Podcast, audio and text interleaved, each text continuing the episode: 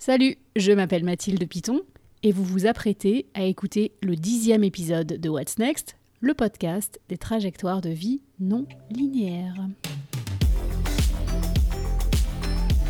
Enfin, vous savez quoi What's Next, c'est surtout le podcast euh, compagnon de ma newsletter What's Next, disponible sur Substack. J'envoie euh, tous les vendredis matins. Vous l'avez peut-être déjà reçu. C'est une newsletter payante parce que ben, d'abord j'ai envie et puis j'ai besoin de gagner ma vie comme autrice.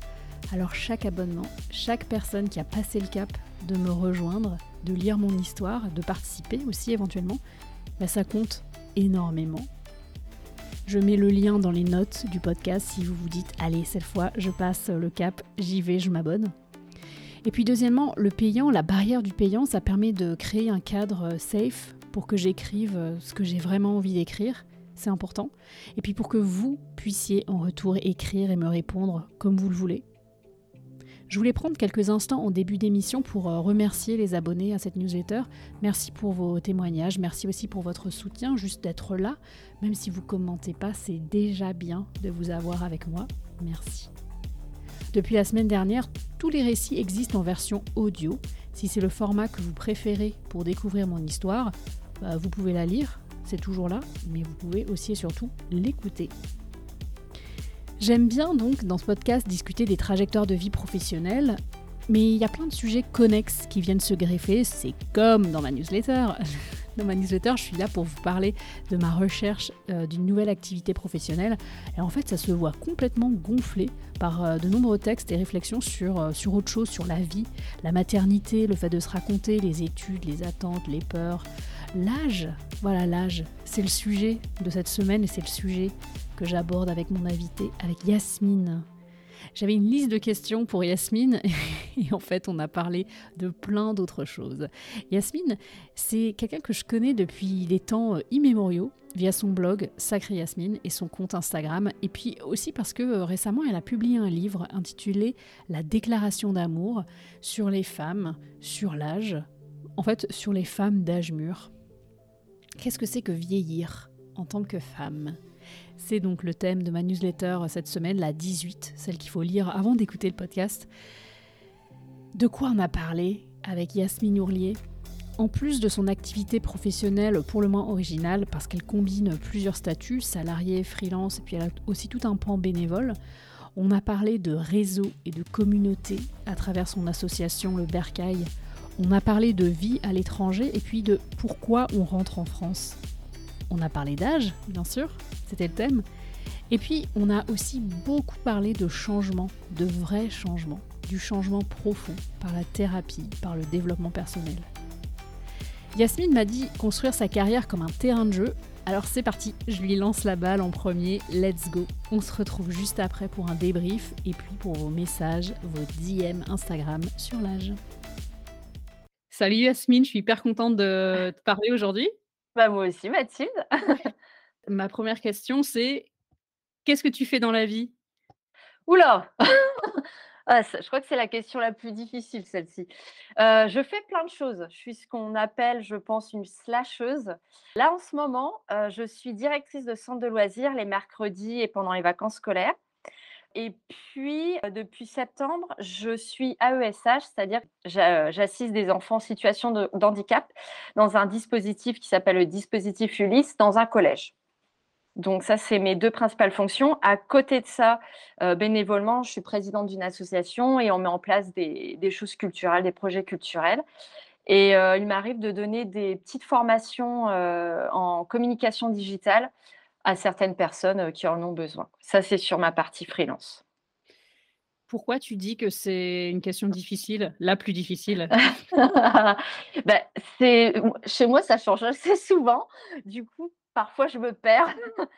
Bah, c'est pas courant de faire plein de choses il y a quand même ce, poste de direction de loisirs que je fais quand même depuis huit ans maintenant. Donc, euh, ça, c'est ça, ça acté plus. Voilà. Mais euh, parce que moi-même, je crois que je me dis, je fais ça, mais euh, ça peut changer l'année prochaine.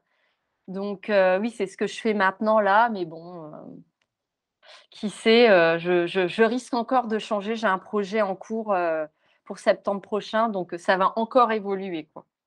Qu'est-ce qui te fait changer? C'est, la lassitude, l'envie de voir autre chose? Qu'est-ce qui te fait passer à autre chose? Ouais, alors, oui, moi je suis quelqu'un qui a j'ai beaucoup de mal avec la routine, et j'ai besoin surtout d'être toujours, alignée avec ce que je fais. Donc si je sens que j'y mets plus, un peu de passion, c'est mauvais signe et puis aussi alors après cette année par contre, pour ce qui est d'AESH, j'avais fait ce travail-là à Toronto pendant des années et du coup, j'ai un élément de comparaison et ce qui est compliqué, c'est que je me rends compte que le système scolaire français est à des années-lumière du système scolaire canadien et heu, moi, en fait, moi, Yasmine, ça ne me convient pas, tu vois? Je, mmh, je trouve que rien n'a avancé, il est obsolète, il est frustrant ce système et moi, ça me renvoie à mes échecs et mes difficultés quand j'étais, heu, au collège, heu et au lycée. Donc je me suis dit plutôt que de continuer et d'être, en colère et énervée parce que, heu, bah, rien n'a changé ici, je préfère, tu vois, arrêter et puis te proposer quelque chose qui me convient mieux, en fait, mais indépendamment de l'éducation nationale.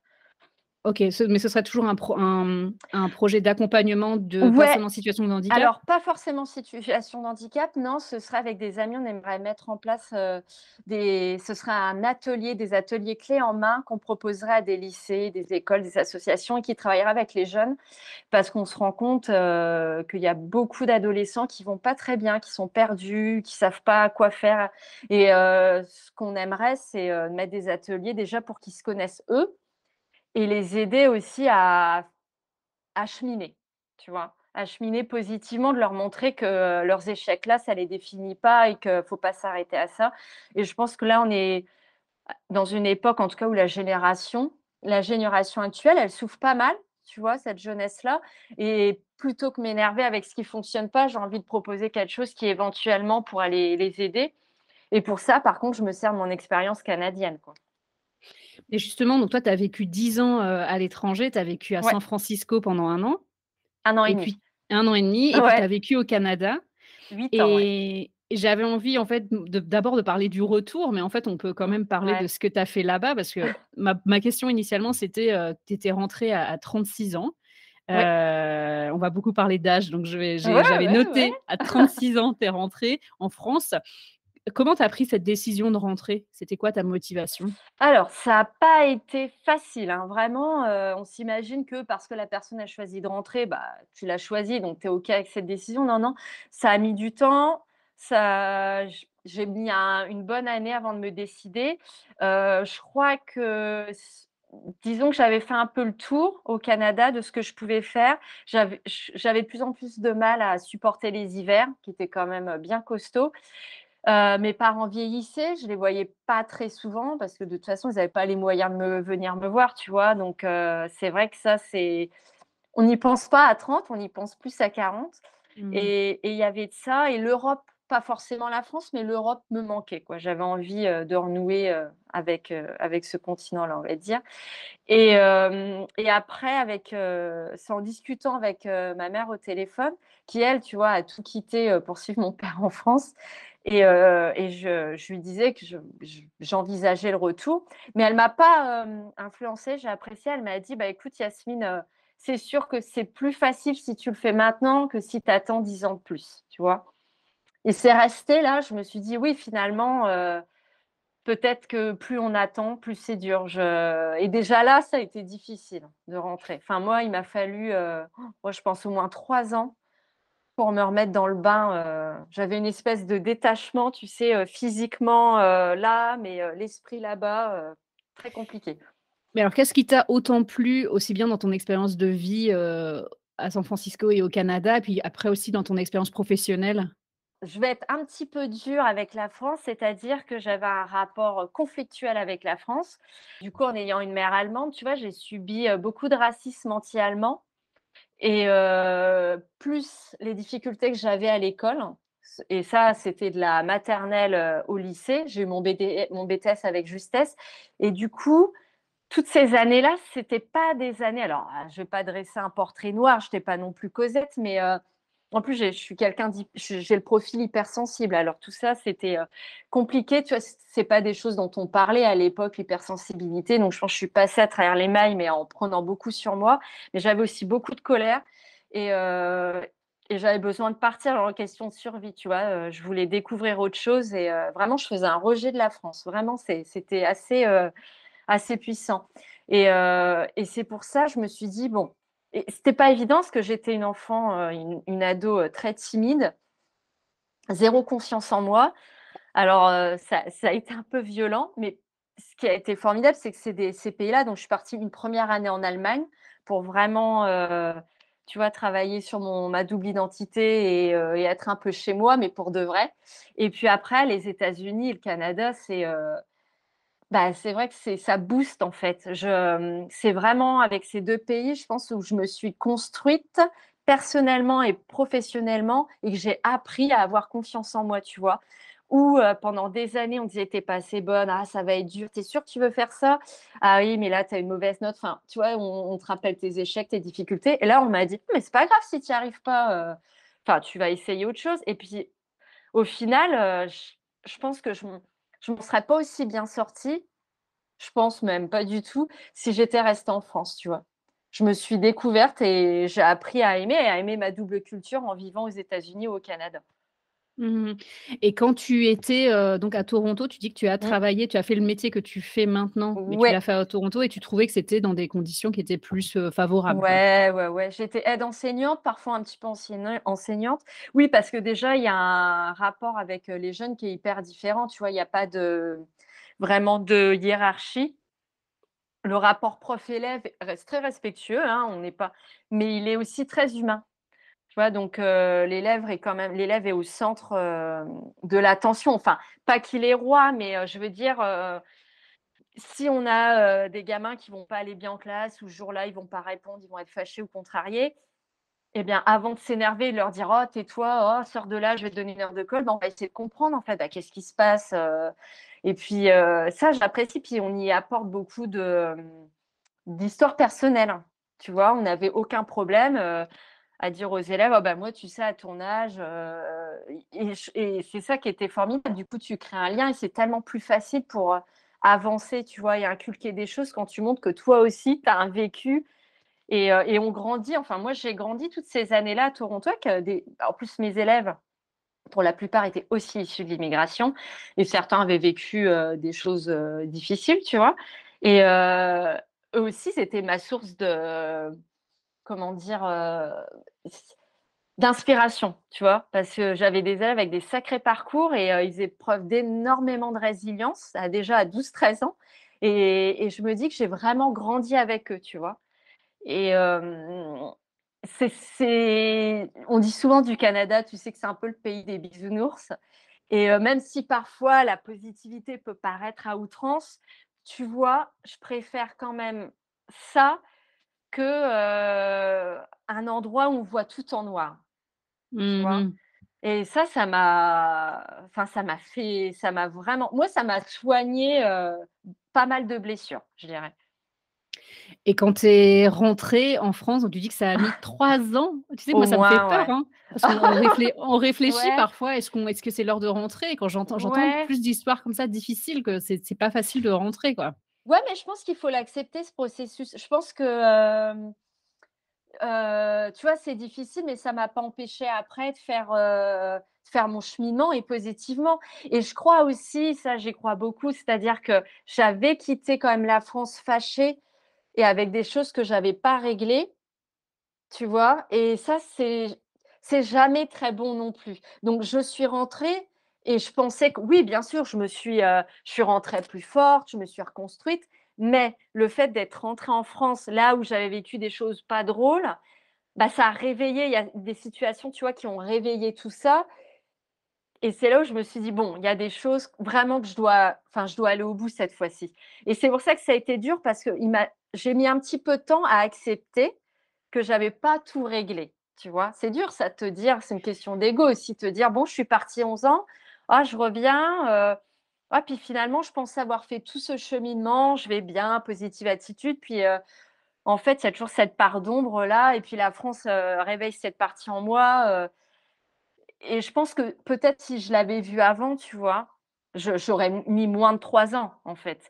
C'est que là, j'ai besoin de temps moi pour faire les choses et réaliser les choses, tu vois? Mais qu'est-ce que tu veux dire concrètement? Est-ce que tu veux dire que, heu, tu es retombée dans des dans des schémas, des Ouais. habitudes, des façons de faire, heu, parce que tu étais dans ton cadre en France, quoi? Ouais, exactement, bah, parce que, heu, c'est tout bête, hein, mais la le rapport à l'argent, je trouve qu'au Canada, ils sont très décomplexés, aux États-Unis aussi, tu vois? Et heu, en France, tous les gens sont là, heu: «Économie, ça, ça coûte cher. Ah, j'ai pas les moyens de payer ça. Ah, faut que je pense à ma retraite».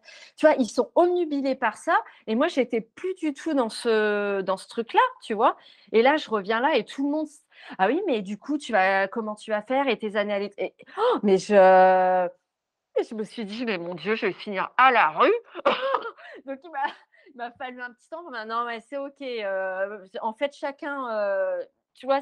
C'est pas parce que ces personnes-là auront mis de côté, ça va faire 20 ans. Moi, je je me dis: «Il faut que je me ressente sur le moment présent et heu et puis qui vivra verra». Mais c'est ces angoisses-là que j'avais, tu vois, déjà à l'époque, que j'avais plus là-bas et je reviens là et tout ça, ça revient, quoi, tu vois? En plus, j'ai des parents d'ancienne génération, ma mère aussi, qui a pas, heu, qui a pas travaillé en France, tu vois? Donc elle est dépendante de mon père et du coup, c'est ces peurs à elle qu'elle me renvoyait, que j'avais plus trop en étant loin. Mais là, forcément, en la revoyant plus souvent, bah, là, il y a toutes, heu, toutes les angoisses d'avant qui revenaient, quoi.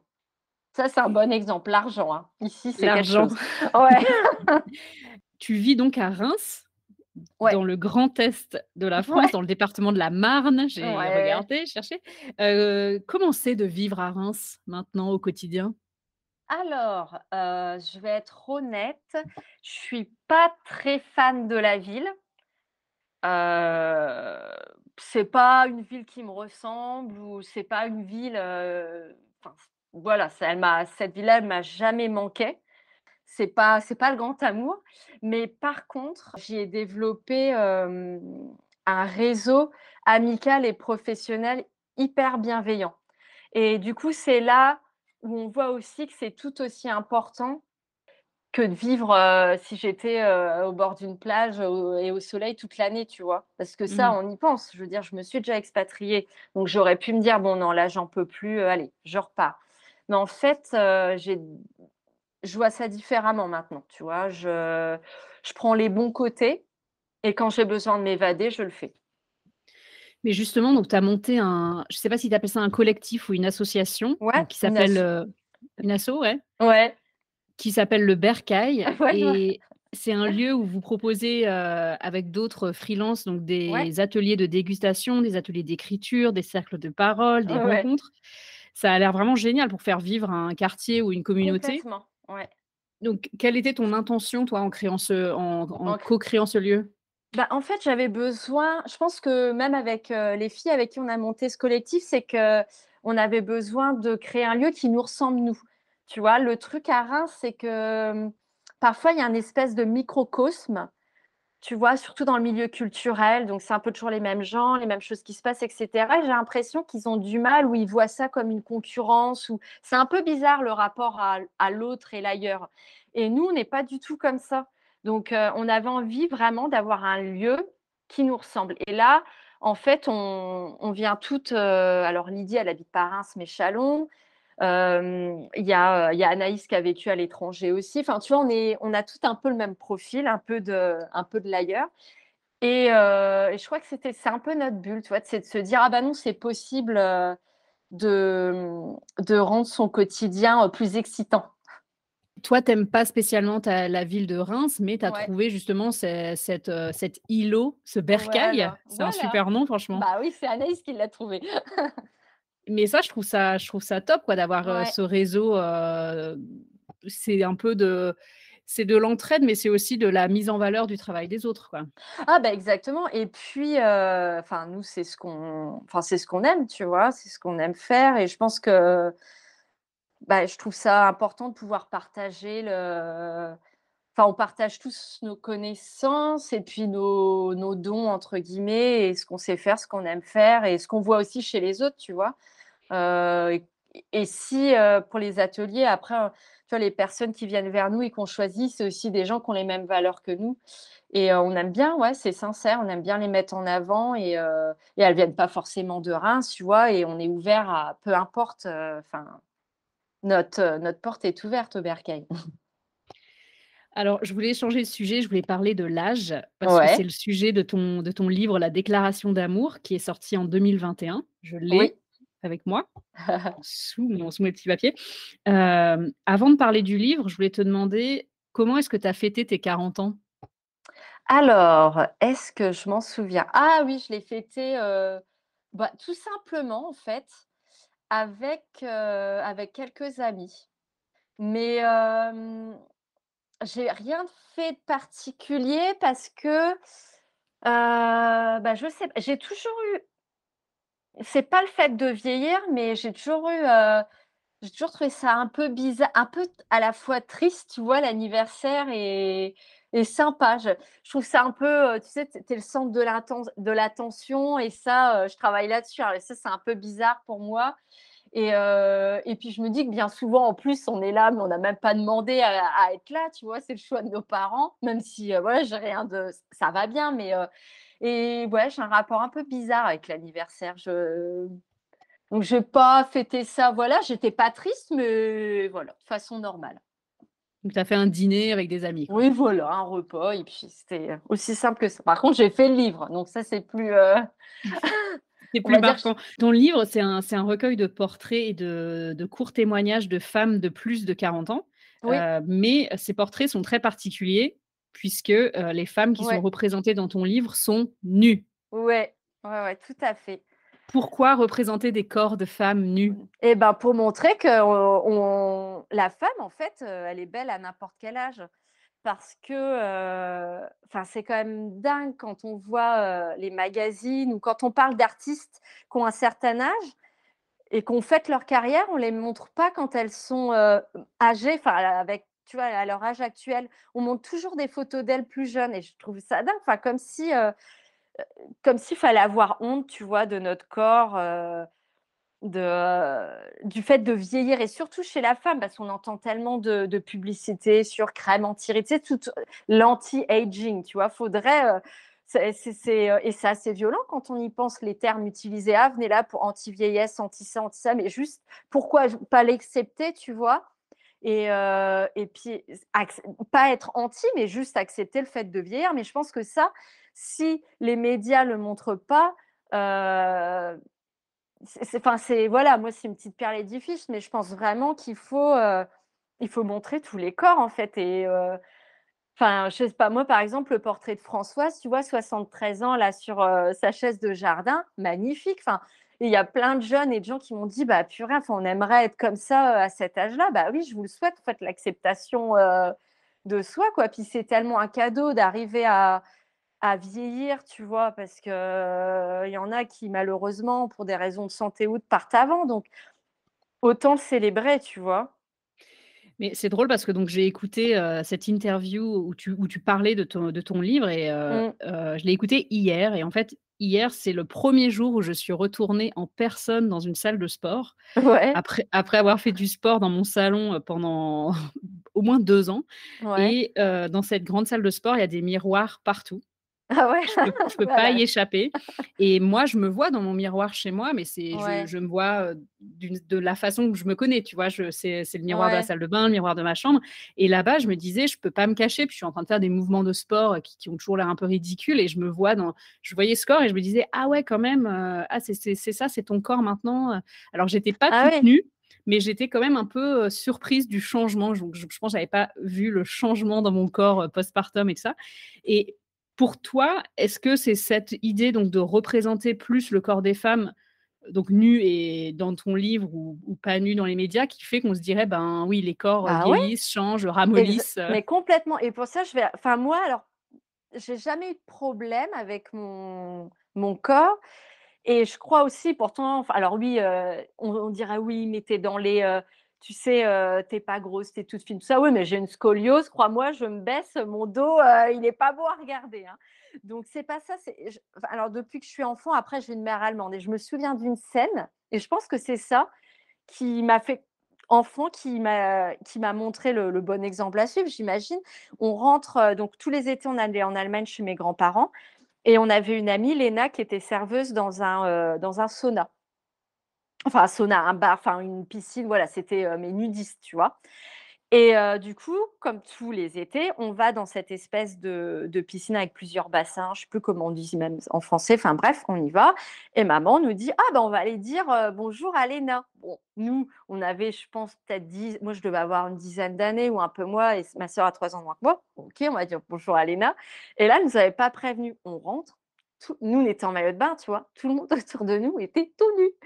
Et bon, bah, je regarde des vieux, des moins vieux, des enfin bref et puis après je m'assois au bar et puis je prends mon coca et là, il y avait un monsieur à côté de moi, mais un monsieur, tu sais, il était bedonnant et cetera, mais bien dans mais bien dans sa peau et puis Léna, pas du tout gênée: «Bonjour Yasmine, ça va?» et puis dis à maman après, je dis: «Mais ils sont tous nus?» «Bah et alors?»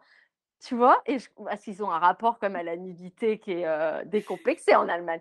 Et Mais j'avais j'avais pas fait pas, le lien en fait avec ta mère allemande bah, et oui, non, mais j'étais entre l'émerveillement et un peu la terreur, parce que tu dis: «Est-ce que c'est normal que je sois là, au milieu de gens adultes tout nus?» enfin et en même temps, je trouvais ça super d'être là, assis à l'aise avec son corps, tu vois? Et ouais, bah, voilà quoi. Et à mon avis, c'est ce qui m'a aidée aussi à me dire que, bah, en fait, c'est OK, tous les corps sont OK, en fait, tant que toi tu t'acceptes. Tu vois? donc c'est pas quand même, c'est pas une ode au naturisme ton livre? Non, non, non, non, ça l'est pas. Mais en en tout cas, une ode, ouais, à l'acceptation, tu vois? Accepter que le temps passe et que, bah, c'est ton corps qui témoigne de ce temps qui passe, tu vois? Et c'est chouette de voir le temps passer, je pense, tu vois? Comment il est né ce livre? C'était quoi ton intention derrière, heu, l'envie de faire ce livre? Ah bah, moi, clairement, c'était une catharsis, tu vois? J'avais besoin de dire: «OK, stop, c'est OK d'avoir 40 ans et de pas suivre le même parcours que d'autres personnes ou de le suivre, peu importe» et heu et oui, à 40-40 et plus, heu, on a le droit de porter ce qu'on veut, on a le droit, d'être qui on veut. Enfin, parce que je je trouvais ça dingue quand même les remarques, qu'on bah, qu'on entend maintenant, tu vois? Des fois, tu vois des articles: «Comment porter une chemise à 40 ans? Comment nanana à 50 ans?» je «Non mais enfin juste on fait ce qu'on veut», tu vois? Moi, j'ai toujours un style, heu heu, ce que certaines personnes diraient ado, moi je trouve pas. Je pense qu'il y a pas de façon de s'habiller, on fait ce qu'on veut, quoi et on le reproche et ça, c'est toujours aux femmes, tu vois? Tu diras tu liras pas un article qui dit à un homme, «Comment porter une chemise blanche, à 40 ans», tu vois? Et Mmh c'est ça, mh. j'avais envie de ouais, c'est un peu un un petit fuck, mais bon, tu vois, heu, voilà quoi, on a le droit de s'aimer et heu, peu importe son âge et heu et de vivre comme on l'entend, vraiment, quoi. Moi, pendant longtemps, j'avais j'avais cette idée, heu, mais bien avant de penser vraiment au fait que j'allais avoir, heu, 40 ans un jour, dans Ouais. 6 mois, quoi. Je me disais la cri la crise de la quarantaine, c'est l'envie de sortir du cadre. C'est avoir une vie qui est très conventionnelle, le l'idée un peu du chemin de marier, des enfants, un boulot, un emprunt Mmh. et puis tu veux casser ce cadre et tu fais un truc un peu fou et puis, peut-être tu, entre guillemets, «rentres dans le rang» ou peut-être pas. Mais Ouais. j'imaginais, je voyais j'avais une vision très, simpliste, en fait, de cette crise de la quarantaine et moi, j'ai pas tout à fait suivi le chemin, même si finalement j'arrive à 40 ans et j'ai quand même un enfant et je suis mariée et compagnie et j'ai pas j'ai pas fait, j'ai pas fait ça tôt, on va dire. Ouais, ouais, ouais. Hem, mais qu'est-ce que c'est pour toi faire sa crise de la quarantaine? Est-ce que toi, c'était ta crise de la quarantaine, le livre? Dans un sens, oui, mais moi, j'ai eu plein de crises c'est vrai que c'est souvent les dizaines. Mais, heu, je sais pas si finalement, tu vois, on parle de crise, encore une fois, tu vois, quelque chose d'hyper négatif, quoi. Alors que finalement, est-ce que c'est pas juste, tu vois, se poser, se dire: «Bon, est-ce que je suis contente, content avec ce que j'ai? Qu'est-ce qui me va pas? Qu'est-ce que je pourrais changer?» et finalement, c'est faire un check-up, tu vois, un peu de ta vie, te dire: «Bah, là, je suis pas trop d'accord, là, j'ai envie de changer là, j'ai envie de faire ça» et puis de le faire, en fait. Mais c'est vrai que le terme crise, finalement, est négatif en soi. Pourquoi forcément une crise? Tu vois? Je pense que c'est juste de, heu, de faire un petit bilan et de se dire: «Bah, ouais, là, ça me va plus et j'ai envie de changer ça», tu vois? Et des fois, ouais, ça peut prendre du temps, c'est sûr. Et quand tu dis, de de s'accepter, de changer si on veut changer, des fois j'entends ça, mais je trouve que c'est comment tu le fais concrètement, quoi? Ça me semble presque trop simple pour être Ouais, vrai. non, c'est pas facile. Franchement, heu, il y a aucun de mes changements de vie qui ont été fa qui ont été, faciles. Quand je suis partie en Allemagne, la première année, enfin oui, je connaissais l'Allemagne, mais quand même, tu vois, je partais toute seule, quand mes parents m'ont laissée, heu, ils m'amènent en voiture, ils partent, j'ai chialé, hein. Je me suis dit: «Mais qu'est-ce que je fais? Qu'est-ce que je vais faire? Un an, je connais personne». enfin, rien n'est facile et je crois que j'ai eu besoin de me faire ces petites violences-là, tu vois? Pour, pour me prouver que c'était possible de d'effectuer des changements dans sa vie. Mais après les changements, c'est pas forcément en déménageant ou en s'expatriant. Moi, tu vois, là, j'ai compris qu'en fait, je pouvais pas à chaque fois changer de lieu pour pour me changer. En fait, le changement là, cette fois-ci, je pense que c'est peut-être dû à l'âge, hein, j'en sais rien, mais heu, j'avais besoin d'un changement plus profond. C'est pour ça aussi que j'ai refait une thérapie, EDMR, tu vois? Pour travailler sur les traumas, que je lis beaucoup de choses sur, heu, C qu'est-ce que c'est thérapie EDMR? ah oui, heu, alors j'ai pas le nom, heu, tu vois les, heu, je pourrais pas te dire chaque lettre, ce que veut dire chaque lettre, mais en gros, c'est que tu fais une séance et tu retravailles précisément, un peu comme une hypnose, les moments qui t'ont qui ont été vraiment douloureux. Du du coup et puis après avec le doigt, on retravaille la scène, donc c'est pas, heu, forcément drôle et puis après, le fait, c'est de, heu, réaccepter et de ranger, cette fois-ci, ce souvenir au bon endroit et passer à autre chose. Et du coup, cette année, c'est ce que j'ai fait parce que, heu, il il y avait pas mal de choses, tu vois, j'étais un peu perdue. Je me suis dit: «Bon, qu'est-ce» il y a un moment là, l'an dernier, c'était tu vois, j'ai reçu, le, papier comme quoi, voilà, j'ai mis fin à ma résidence permanente canadienne. Ça a pas été, facile, tu vois, c'est un espèce de deuil et il y a eu des petites choses comme ça et puis le l'après-livre, tu vois?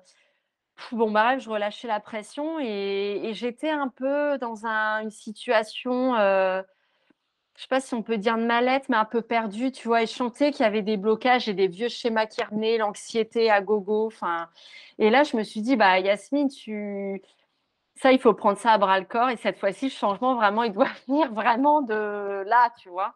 Et heu, des tripes, quoi. Et c'est pour ça que j'ai fait cette thérapie et hem, je lis aussi énormément de livres sur, heu, le développement personnel. Je suis pas mal de, heu, de psychologues qui travaillent beaucoup sur la façon de se soigner par rapport à l'enfance et autres et franchement, ça me fait un bien fou et tu vois, là, je sens que tranquillement, bah, je je suis sur la bonne voie, tu vois? Et heu, comme quoi le le changement, il est tout le temps.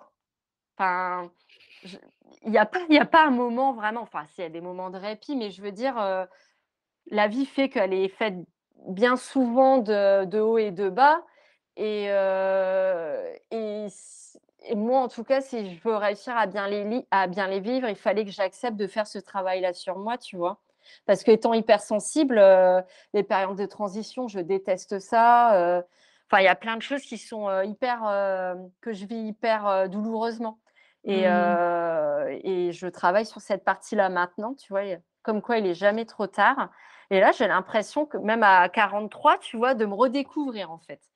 De de repartir un peu à zéro avec toute mon expérience positive du passé et de tu vois, de renaître un peu. C'est dingue, hein, se dire ça, heu, mais heu, ouais, à 43 ans, c'est un petit peu ça mon sentiment là avec, heu, avec ce début d'année, tu vois? J'ai mis les choses en place pour, ouais, pour un changement, encore un énième changement, quoi. Est-ce que, cette catharsis, donc c'était l'intention de ton de ton livre, est-ce que ça a Mmh. fonctionné? Oui, bah, alors ça fonctionne oui, si quand même dans le sens où, C'est, ça a été un super beau projet, tu vois? Et puis surtout, en fait, alors moi, j'étais pas en colère sur le fait d'avoir tel âge, j'étais en colère par rapport à ce que les autres pouvaient penser de cet âge-là, tu vois? Mmh mh. Et ce que j'ai trouvé chouette avec le livre, c'est surtout de rencontrer, plein de femmes qui ressentaient la même chose, tu vois? Et qui sont encore sur leur cheminement de l'acceptation. Et qui m'ont remercié, pour ce livre en disant: «Bah, c'est le plus beau cadeau que tu pouvais nous faire, en fait». Parce qu'au début, s'étaient pas ça a été très compliqué, hein, le les photos, de prendre les photos, enfin, de tu sais, d'accepter d'être, heu, nue comme ça devant nous et puis après le choix des photos. Ça a été ça le plus difficile, de se voir là sur les photos nues et de devoir choisir quelle photo elle voulait avoir dans le livre, quoi. Là, l'image de soi, c'est ce que tu disais, toi, quand tu t'es retrouvée devant les miroirs, bah, elles se sont retrouvées devant elles-mêmes. En fait, c'est le fait de se retrouver devant soi-même, tu vois? C'est jamais, heu, vraiment facile, mais heu, une fois que tu passes ce petit palier-là, petit à petit, tu vois? C'est un peu une espèce de libération, quoi. En fait, c'est ça que je voulais te dire avec mon anecdote des miroirs, c'est sans doute un peu décousu, mais c'est que donc hier, je suis donc allée, heu, je me suis retrouvée dans dans un miroir en train de faire du sport, là, dans ma salle de sport et heu, c'est le jour où j'ai écouté ton interview, heu, où tu parlais une des interviews que tu as faites, où tu parlais de de ce livre et tu disais justement que les femmes toutes les femmes sauf une, la plus âgée, quand elles ont vu les photos, ouais. que vous aviez faites pour le livre, elles ont toutes dit, heu: «Non, Ah non, je fais non. plus le projet». Ouais, Est-ce que tu peux me raconter, en fait, comment ça s'est passé? bah, bon, on s'est douté que ça allait leur faire bizarre parce qu'elle, hem, la photographe Mathilde le présentait, bah, sur sa tablette, mais en forme de planche, donc elles avaient toutes les photos d'un coup. Et heu, du coup, elles se sont assises. Et alors il y en a, c'était on a senti, tu vois, le visage changer et d'autres: «Ah non, non, non, je peux pas, je peux pas» et puis bon, le truc, c'est que, euh, voilà, on les il y en a, la plupart, je les connaissais, donc on en a reparlé tranquillement. C'est une fait, c'est comment amener les photos, tu vois? Et heu et puis de les mettre à l'aise. Il y a beaucoup de discussions, tu vois? En disant: «Oui, mais c'est normal, sais, c'est pas évident. Prends ton temps, regarde, si on y va une par une» et puis au final, au fur et à mesure des minutes, elles ont commencé à à se faire à l'idée qu'elles allaient se voir, tu vois? Nues. Et puis après, il y a eu le cette acceptation-là. Donc là, c'était bon, OK, je me vois. Bon, j'essaye de pas trop regarder les défauts et et puis finalement, on leur a dit: «Mais vois ça comme, hem, c'est de la photographie, en fait. Donc là, tu choisis la photo, la lumière, pas ton corps. C'est pas ton corps là c'est un ensemble, en fait», tu vois? Et donc heu, elles ont fini par réussir à choisir leurs photos et plusieurs photos même. Donc ça, c'est bah, ça, c'était vraiment beau à voir, tu vois? L'évolution entre: «Non, surtout pas» et puis: «Oh oui, celle-là, je l'aime bien, celle-là, je l'aime bien», heu et ouais, c'est, heu mais c'est pas facile, non, c'est pas facile. Tu as un blog, c'est comme ça que je t'ai rencontrée, Oui. heu et puis tu es, très active sur les réseaux sociaux, Mmh. heu, où on t'a trouvé on t'a longtemps trouvé sous le nom de Sacré Yasmine, que moi j'ai Oui. lu pendant très longtemps Sacré Jasmin Bah,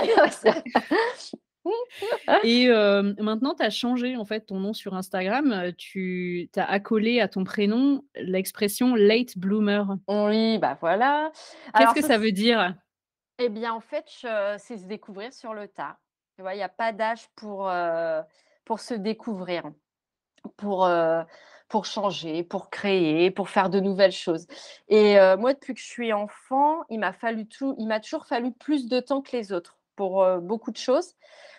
Et jusqu'à présent, j'avais jamais, je on voit ça un petit peu comme un retard ou parce que tu es de fin d'année ou parce que ceci, cela et heu, mais je trouvais que ça me correspondait pas, tu vois? Et heu, je crois que c'était il y a 2 ans, j'ai lu ce livre, de Catherine Tarrell, heu, le carnet de bord ou le journal d'une late bloomer mais je me suis dit: «Mais mais c'est moi!»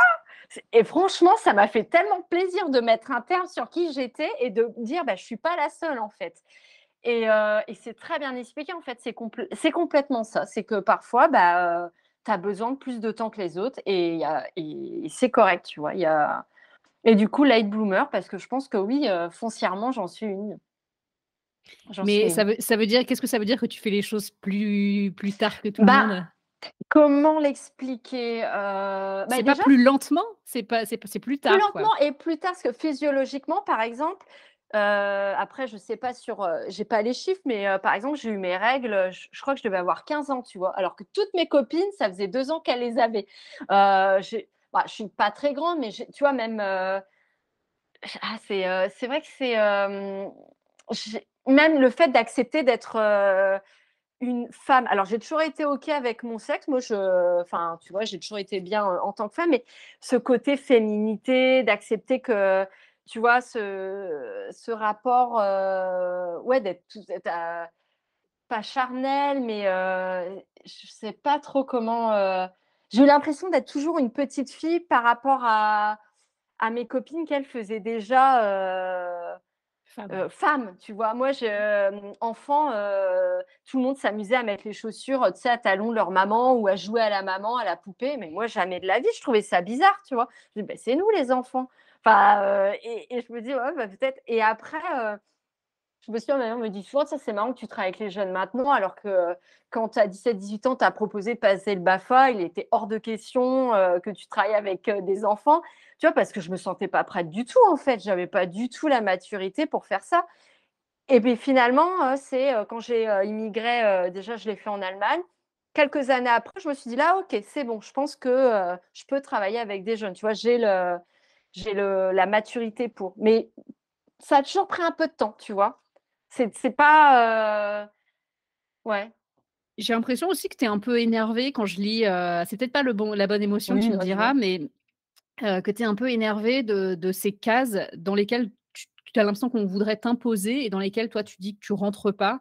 Le fait d'être mariée, le fait de pas avoir Ouais. d'enfant, le fait de pas être propriétaire, que ce sont des choses que la société attendrait que tu aies à un certain, heu, voilà, de cocher les cases et toi tu es un peu énervée parce que tu as pas nécessairement envie de cocher ces cases. Bah, oui et puis oui, puis c'est en fait, oui, ça m'énerve parce que dans le sens moi, j'ai pas forcément envie de les les cocher et je le reproche pas aux autres de les cocher, tu vois? C'est que dans un sens, en fait.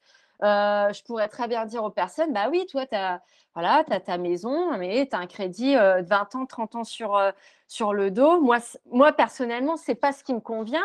Ça convient à des amis et c'est très bien, mais tu vois, pourquoi c'est à nous qu'on dit: «Ah oui, mais c» toi, tu as un problème avec le comment le commitment, tu vois? Le, le fait L'engagement. de ouais, l'engagement, pardon, l'engagement, heu, tout ça. Alors, c'est toujours si nous on le fait pas, c'est nous qui avons le problème. Bah, je peux renvoyer le problème, en fait.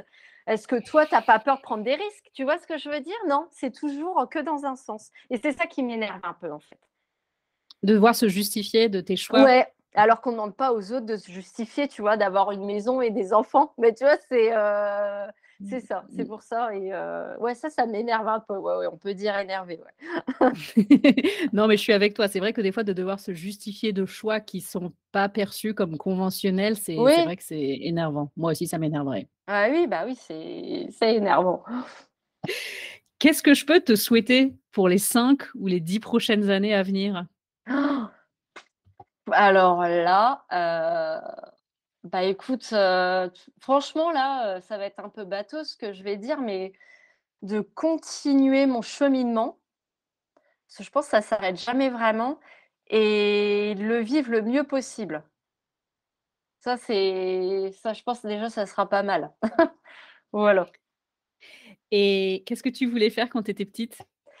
Alors, heu, là, on pourrait repartir sur un débat, heu, j'ai jamais su et c'est là où, pour moi, la vie, c'est un enfin, tu vois, c'est un, je voyais ça comme une espèce de de playground, tu vois? Où tu as plein de voilà et tu essayes un peu tout, en fait et bah, c'est un peu ça ma vie. Je j'essaye un petit peu tout, le toboggan, la marelle, voilà et j'ai jamais su vraiment, me positionner.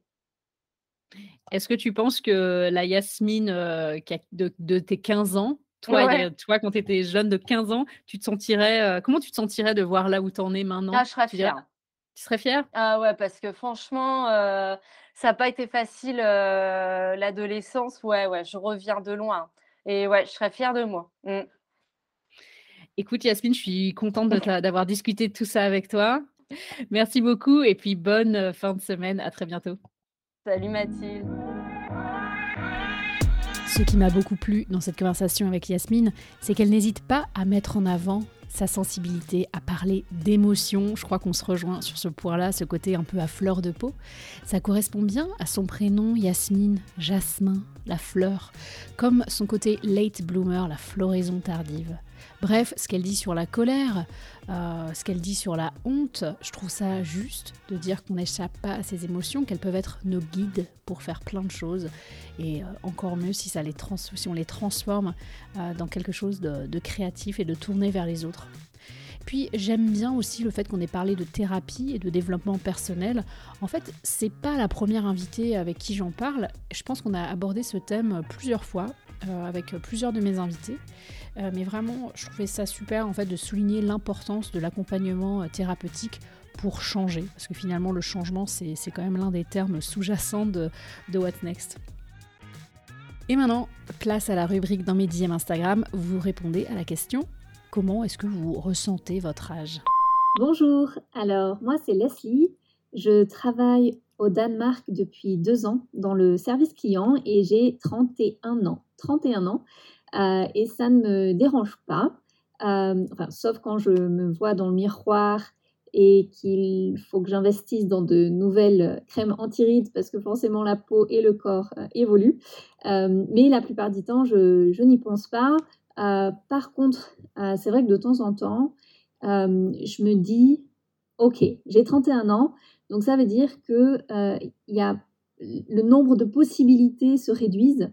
Euh, c'est différent de quand j'étais euh, étudiante où je pouvais euh, faire six mois en tant que jeune fille au père, changer de parcours scolaire, faire des stages dans différents endroits pour, pour tester, pour changer de décor. à 31 ans, si j'ai envie de changer de voie, de métier, ça me paraît plus difficile d'avoir accès à des formations gratuites ou à de, changer euh, mon quotidien pour, euh, pour euh, essayer autre chose. et ça, ça me fait peur voilà, de vieillir et de rester coincé dans, dans une routine sans pouvoir tester des expériences, etc. Salut Mathilde. Alors moi, la question de l'âge me gêne plus du tout maintenant. En fait, j'ai changé ma perception après avoir été très malade. Et chaque année de plus, je la célèbre. Je suis très contente de voir les années passer, d'avoir passé le cap des 40 ans et j'espère aller beaucoup, beaucoup plus loin. Euh, ce qui me fait vieillir, c'est plutôt euh, l'âge des enfants. Quand maintenant, euh, je dis que j'ai un, ado qui a bientôt 18 ans, ça me vieillit beaucoup. Plus que moi, je me sens pas vieillir plus que ça. Voilà, ça c'est mon rapport avec l'âge. Mais en fait, moi, j'adore presque avoir plus vieille. et gagner de l'âge. Coucou Mathilde, alors moi j'ai 45 ans, je vais sur mes 46 ans le mois prochain. Euh, ça arrive à grands pas, mais dans ma tête, euh, je crois que je pas j'ai absolument pas l'impression de m'approcher de mes 50 ans. Euh, enfin, je sais pas, c'est c'est franchement bizarre. En même temps, je me rappelle que ma mère, c'était exactement la même chose quand elle avait mon âge, où je, me disais, étant ado, je me disais, oh, elle exagère, elle fait comme les jeunes et tout ça. Mais ouais, mais en fait, dans notre tête, euh, on ne voit pas le temps passer. Donc voilà. Bonjour Mathilde, c'est Claire de Brest. Euh, pour, je viens d'écouter le podcast sur l'Écosse, c'était super comme d'habitude, un vrai plaisir. Pour la question de l'âge, euh, moi j'ai 44 ans. J'apprécie de plus en plus en vieillissant la sérénité que ça m'apporte. j'ai moins d'angoisse, j'ai moins la sensation de l'achievement que j'aurais pas réussi à avoir. Euh, donc ça c'est bien. Par contre, j'ai plus aussi euh, le stress du temps qui passe. Euh, j'assume pas du tout mes cheveux qui grisonnent, largement d'ailleurs. Et j'ai un fils qui vient d'avoir 17 ans pour lequel on prépare l'orientation pour l'année prochaine. Et j'avoue que c'est ce qui m'a mis le plus gros coup, enfin la plus grande prise de conscience sur l'âge puisque euh, je me suis rendu compte que bah, j'étais vraiment loin de mes 17 Salut, euh, je m'appelle Maëva, je suis actuellement rédactrice éditoriale et web freelance en Provence et j'ai 26 ans, bientôt 27. Euh, je dirais que c'est une question qui m'indiffère quand on me demande mon âge, dans le sens où j'ai jamais eu de problème à y répondre. On me donne souvent moins que mon âge, parfois un peu plus, et jusqu'à maintenant c'était pas quelque chose qui me complexait ou autre. Je suis au milieu de ma vingtaine, enfin plutôt proche de la fin de la vingtaine maintenant.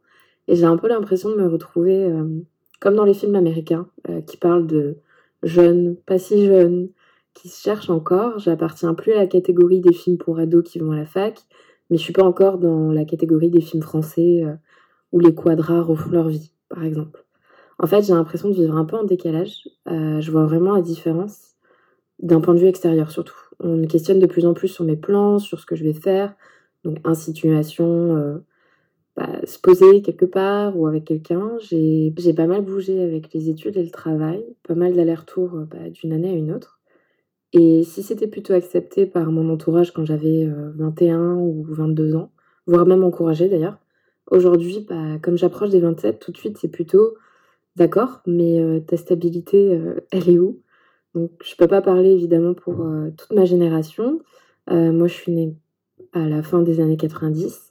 Et je sens bah, un vrai fossé en fait avec euh, la génération d'avant, mais surtout avec celle d'après, euh, en termes de référence, euh, en termes de, vie en fait, je vais dire finalement. Et jusqu'à cet été, j'étais prof de français assistante aux États-Unis. Et je me souviens d'une élève qui m'avait dit au détour d'une conversation que j'étais une adulte. Et ça m'avait frappé parce que bah, j'y ai jamais pensé avant. Alors oui, légalement, sur ma carte d'identité, je suis une adulte, mais c'est pas encore ce que je ressens. C'est vrai qu'en France, on a beaucoup de tarifs réduits, voire gratuits pour les transports, les musées. Il y a toutes ces cartes jeunes qui sont valables jusqu'à la veille des 26 ans, auxquelles j'ai plus accès depuis bah, bientôt un an. Et j'ai trouvé ça étrange de plus correspondre à une catégorie bah, du jour au lendemain, alors que dans mon esprit, bah, rien n'a changé. Merci beaucoup aux participantes de m'avoir euh, témoigné votre euh, ressenti sur votre âge. Je vous parlerai euh, du mien et de tout ça dans ma newsletter. Les cheveux blancs, le temps qui passe, le stress. Bon, moi, j'ai pas d'enfant qui a 18 ans, mais je m'approche quand même de mes 40 ans. Tout ça, c'est dans la newsletter, la 18, celle de cette semaine, et puis aussi encore un peu dans celle de la semaine suivante. La prochaine fois, ma question elle peut sembler un peu plus farfelue, mais vous verrez, tout a du sens. Avez-vous déjà consulté une astrologue? Est-ce que vous lisez votre horoscope? Que vous évoque votre signe du zodiaque? Merci beaucoup de votre écoute. Si l'épisode vous a plu, si le podcast vous plaît, laissez-moi une revue sur Apple Podcast, mettez des étoiles sur Spotify ou sur votre app d'écoute. Ou bien juste euh, écrivez-moi un petit mot sur Instagram sous le post de Yasmine. Venez me dire euh, ce qui vous a plu dans cet épisode en particulier. Chaque petit mot, chaque petit cœur compte beaucoup, ça motive en tout cas. Alors je vous dis euh, à dans deux semaines pour un prochain podcast et puis tous les vendredis sur la newsletter, sur Substack. À très bientôt, bye bye